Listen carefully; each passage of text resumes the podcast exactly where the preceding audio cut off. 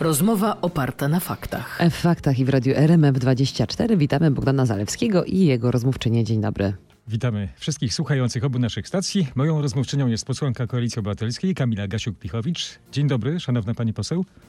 Dzień dobry, witam Państwa serdecznie. Wiceprzewodnicząca Komisji Sprawiedliwości i Praw Człowieka. W tej sejmowej komisji padły wczoraj słowa, które panią zaszokowały. No czytam na Twitterze, czytam pani komentarz. Łukaszenkowska Białoruś. Jak my to mamy rozumieć? W Polsce mamy dyktaturę?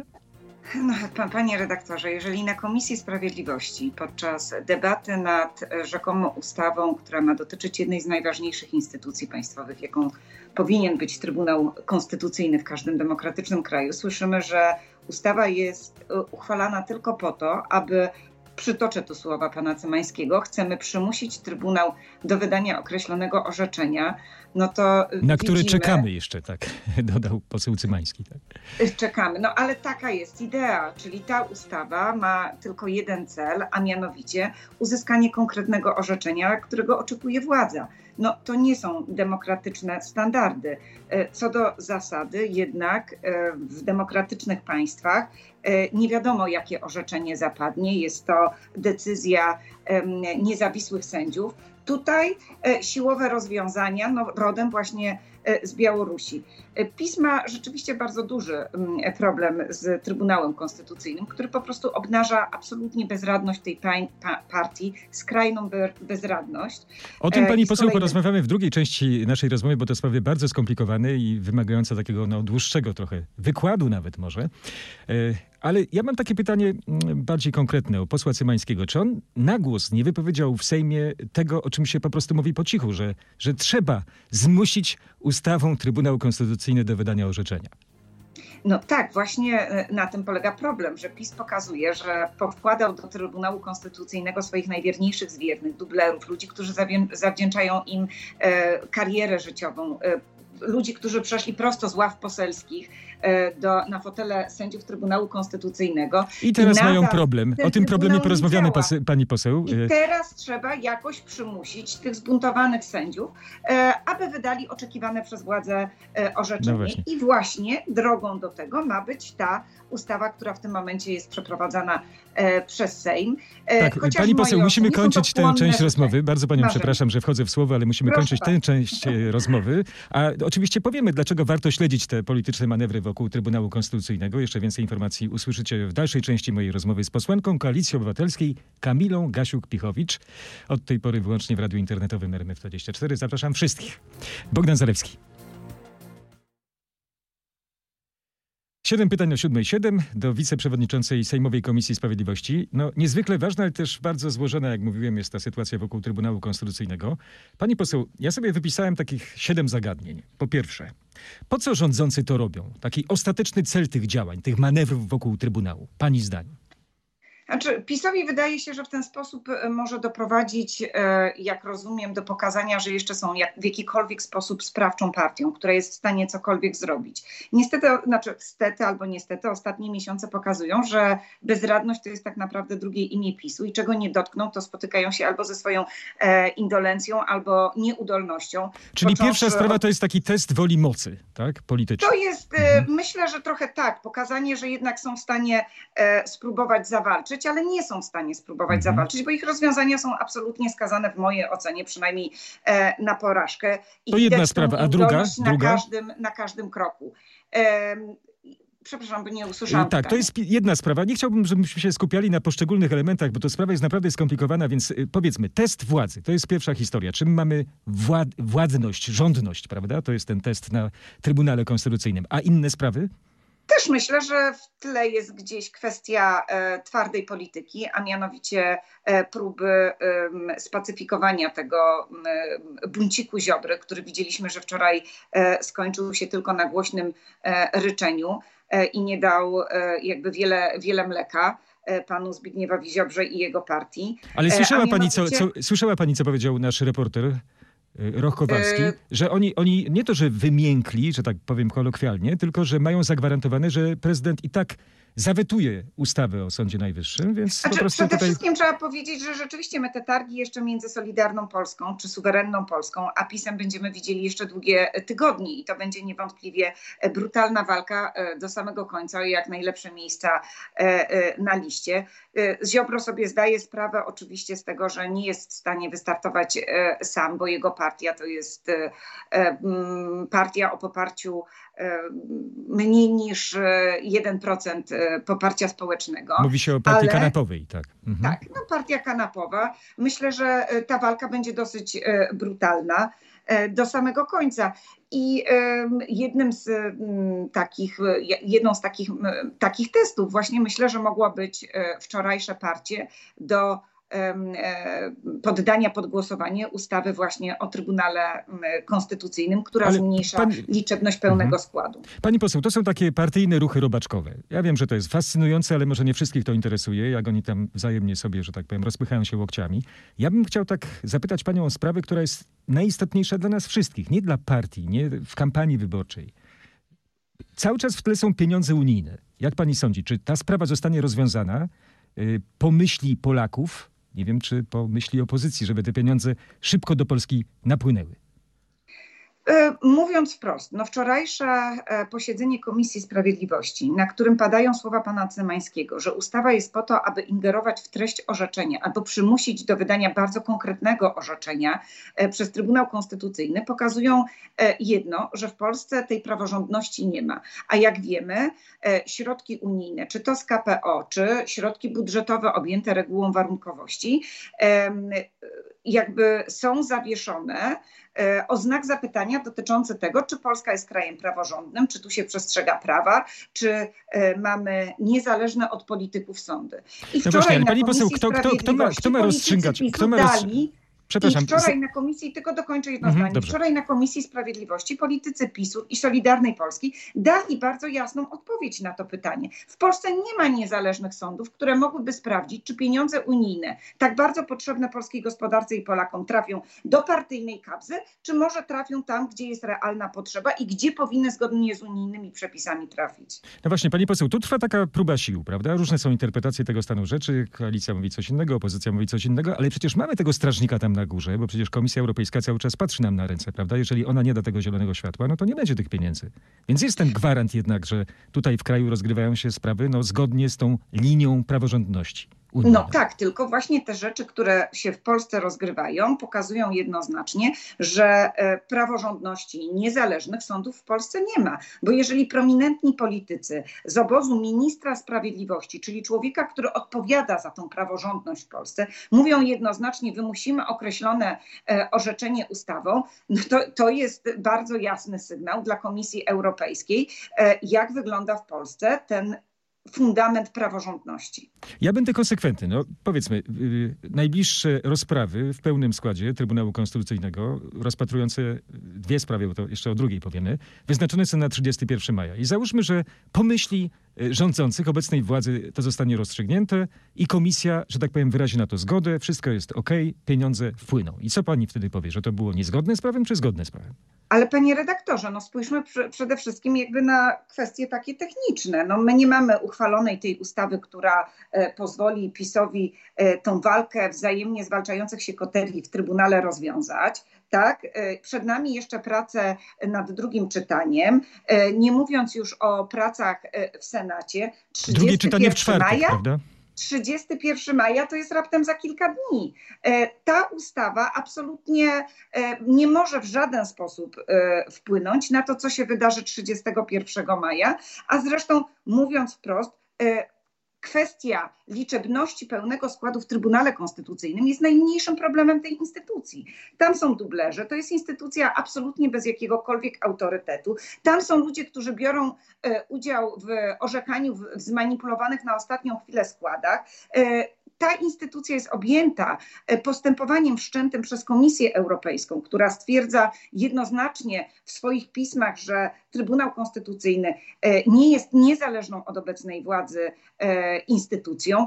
Myślę, że naprawdę ta ustawa to są tylko pozorowane ruchy ze strony PiSu, które mają właśnie pokazać, że to nie jest partia, która pogrąża się w jakimś chaosie i bezradności. Ja, ja A tak wiem, czy... wygląda rzeczywistość. To jest partia kompletnie bezsilna, która właśnie najważniejszej kwestii dla Polaków, miliardów euro, to jest KPO to jest historyczny budżet w Europie, który ma odbudować gospodarki po e, czasie epidemii. I my, jako Polska, Polacy, jesteśmy jedynymi, e, e, jedynym krajem w Europie, który z dobrodziejstwa tych pieniędzy nie korzysta. To pokazuje jakąś totalną nieudolność tego rządu, ale tak naprawdę w ostatnich tygodniach to mamy cały koncert nieudolności. No Kaczyński, który wychodzi i mówi, nie jesteśmy w stanie poradzić sobie z inflacją. Premier, któremu kolejni ministrowie wypowiadają posłuszeństwo, a on wychodzi, premier nic nie mogę, Morawiecki udziela jakichś ustnych reprymend, e, Przyłębska, która nie jest w stanie wydać e, orzeczenia. To jest naprawdę koncert nieudolności ze strony No ale e, właśnie może się okazać tak, że Julia Przyłębska pozostanie, ten spór wokół kadencji się rozstrzygnie na korzyść rządzących. Komisja Europejska, jeszcze wrócę do, do tego mojego wirtualnego pytania, prawda? Komisja Europejska to jakoś tam zgodzi się na to, pomimo tych wszystkich wątpliwości oczywiście, zgodzi się na to i jednak będą te pieniądze. Ale panie redaktorze, ja panu pokazuję tak. Po pierwsze, że nie mam ustawowej możliwości, aby do 31 maja w ogóle w jakikolwiek sposób ten e, klincz w Trybunale Konstytucyjnym rozwiązać. Co się okaże, co się stanie, jeżeli kolejni na przykład e, członkowie Trybunału stwierdzą, e, boimy się odpowiedzialności zawodowej, nie chcemy orzekać z dublerami, nie chcemy brać na siebie odpowiedzialności orzekania w zmanipulowanych na ostatnią e, chwilę składach i wymówią e, kolejni posłuszeństwo wobec e, pani Przyłębskiej. Czy to będzie oznaczało konieczność przyjęcia kolejnej ustawy, która będzie obniżała pełen skład? Do no ilu? Właśnie, do mamy... siedmiu, do, do pięciu? A może trzeba Y, obniżyć w ogóle do y, y, jednoosobowego wydawania orzeczeń przez panią pseudoprezes Przyłębską, aby wydawała pseudo orzeczenia w jednoosobowym składzie. To pokazuje, że PiS jest naprawdę w totalnym klinczu. To nie, jakby to jest jakaś ich opowieść, która nie ma nic wspólnego z rzeczywistością, że ta ustawa jest w stanie cokolwiek rozwiązać. Rozumiem. To, to w takim razie ten wątek za, zakończmy.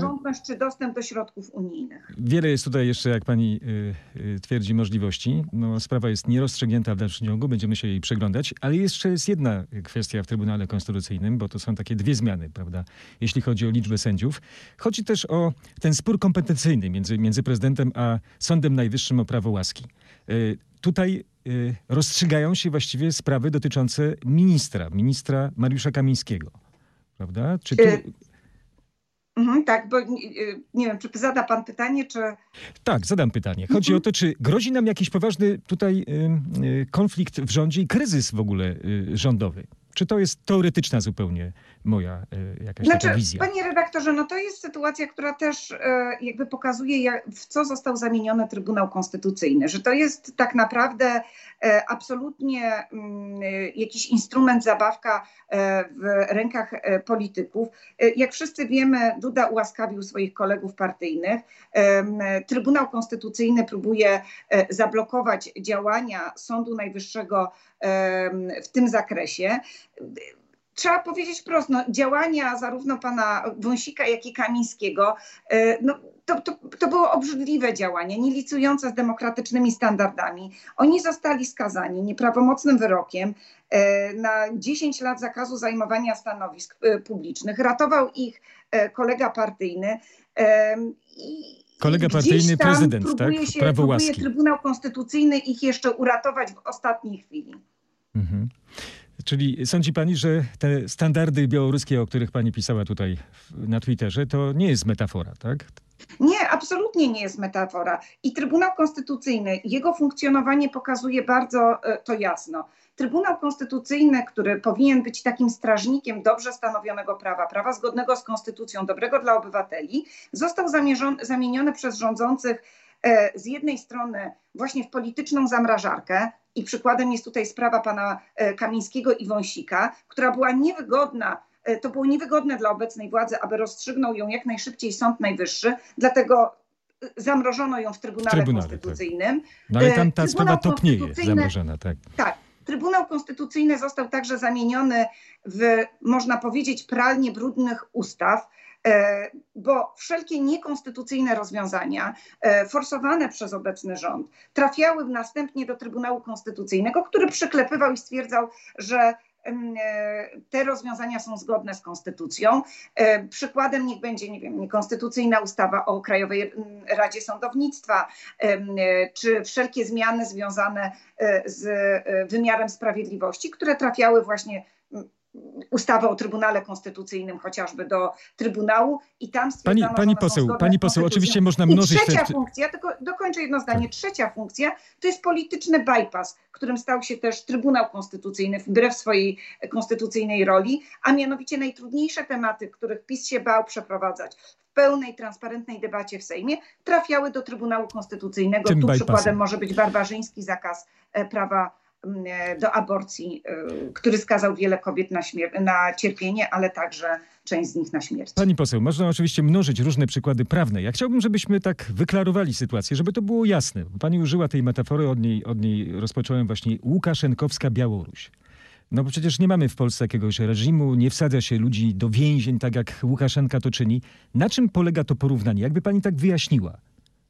E, panie redaktorze, w każdym najprostszy przykład. W każdym demokratycznym państwie wie pan, kiedy zapadnie wyrok, ale nie wie pan, jaka będzie jego treść. W państwie PiS co do zasady wie pan, kiedy zapada, nie, nie będzie pan wiedział, kiedy zapadnie wyrok, tak? Nie wiemy, czy będzie to 31 maja, to już jest siódme czy dziesiąte przesunięcie tego terminu, ale z pewnością jest pan w stanie określić, jaka będzie to treść wyroku.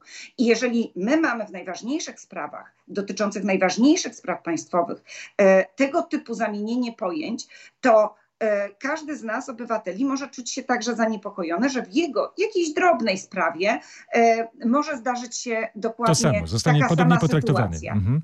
Pani dokładnie, wejdzie w konflikt ktoś z jakimś, nie wiem, radnym PiSu, e, pociotkiem prominentnego działacza partii rządzącej i jestem przekonana, że będzie miał niepokój związany chociażby Czyli z tym, ryba psuje się od głowy. na sędziów tak, nie będzie wywierany nacisk właśnie w postaci chociażby takich słów jak słowa pana Cymańskiego, nie będzie woli e, wymuszenia wydania określonego wyroku zgodnego z oczekiwaniami partii rządzącej. Pani poseł, ja zadam tak na koniec pytanie, o właśnie żebyśmy tak podsumowali. Pani mówi o pojęciach. Ja rozmawiałem ostatnio z profesorem Gurjewem, który kształci kadry e, dyplomatyczne, polityczne we Francji.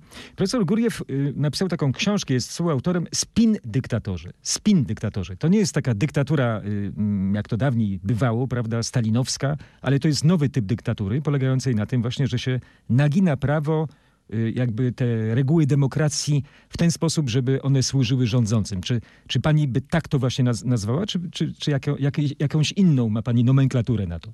Wie pan, y, ze strony PiSu widać y, absolutnie bezpardonowe działania. PiS się czuje kompletnie bezkarny. E, na każdym polu, w sposób bezpardonowy łamie konstytucję, nie ogląda się w najmniejszym stopniu na nią, a warto wspomnieć, że jednak obywatele nie zaufali na tyle politykom PiSu, aby dać im wystarczającą większość w parlamencie, aby konstytucję zmieniać. Więc PiS robi to w sposób bezpardonowy, kradnie, okrada Polaków z demokracji, okrada z ich praw, takich jak chociażby prawo do niezależnego sądu.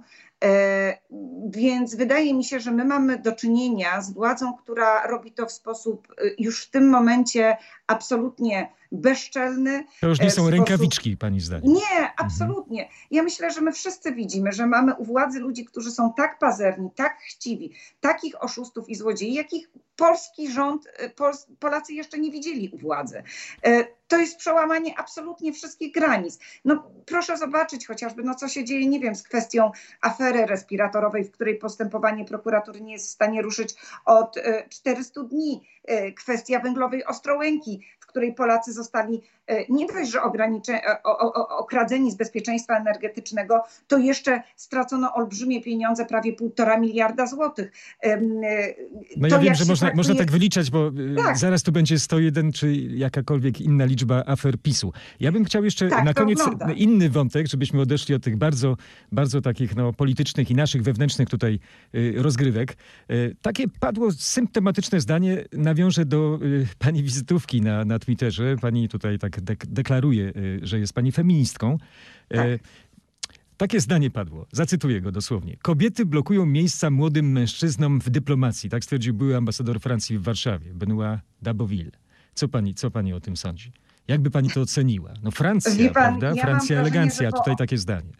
Znaczy, ja mam wrażenie, że po ośmiu latach rządów PiSu naprawdę Polki są w bardzo e, trudnej sytuacji, bo mamy u władzy rząd, który mm, widzi rolę kobiety e, w takim modelu rodziny wziętym prosto z XIX wieku, e, jeżeli nie z e, po prostu wprost ze średniowiecza. Ja, mamy rząd, który naprawdę nienawidzi kobiet i można zrobić bardzo wiele, aby zwiększyć szanse kobiet chociażby na rynku. E, My jako koalicja już dwa lata temu złożyliśmy ustawę, która e, zakłada możliwość porównywania płac kobiet na tym samym e, stanowisku i konieczność publikowania przez największe spółki, największych przedsiębiorców informacji na ten temat. A dlaczego- a dlaczego pani poseł te- płacowej jest jednym z najlepszych narzędzi zwalczania takiej luki płacowej. Kobiet nadal brakuje na eksponowanych stanowiskach. No właśnie, pani poseł, o to chciałem Wszędzie. zapytać. Proszę mi pozwolić zadać pytanie. Tak, Y, Te słucham. znienawidzone kobiety przez Prawo i Sprawiedliwość to jest na przykład nie, minister Anna Moskwa, Marlena Maląg na przykład? Ale y, proszę zwrócić uwagę, że tych kobiet, które rzeczywiście rozdają karty, które rzeczywiście mają wpływ na politykę, jest w dalszym ciągu mało, y, bardzo mało. No polityka pisowskiego rządu naprawdę jest oparta na nienawiści wobec kobiet. Dość przytoczyć to, jak y, pisowski rząd traktował kobiety, kiedy wyszły walczyć o swoje podstawowe prawo do decydowania o tym, kiedy ile chcą mieć dzieci. Wszyscy pamiętamy y, nastolatkę, którą e, tak szarpano, e, tak szarpał policjant, że złamał jej, jej rękę w trzech miejscach. Wszyscy pamiętamy y, wyłaniającego się z tłumu e, nieoznakowanego członka, tak, Mhm. Boa, który pal, pałką teleskopową bił kobiety. Ale też widać to chociażby w działaniach dotyczących zwalczania pomocy, przemocy domowej. Każdego roku 700 tysięcy kobiet w Polsce pada ofiarami przemocy domowej, a tymczasem mamy rząd, który próbuje wypowiedzieć konwencję antyprzemocową. stambulską. Polityczka. Jaki to jest symbo, sygnał w stosunku do wszystkich przemocowców? Ja Kto otrzymuję mówi, sygnał, że musimy kończyć tę rozmowę, bo za chwileczkę pani poseł będą, będą fakty. Za 4 minuty będą fakty. Jest 7.26, więc ja panią tylko zaprezentuję. Jeszcze oczywiście nie trzeba, bo pani jest bardzo znana i rozpoznawalna, ale przypomnę. Y, Kobieta, posłanka Koalicji Obywatelskiej Kamila Gasiuk-Pichowicz, walcząca, jak widać, o prawa kobiet, bardzo wrażliwa na takie sprawy, nie tylko na te. Bardzo dziękujemy pani serdecznie Bardzo za, za tę rozmowę. Miłego dnia życzymy. Bardzo dziękuję.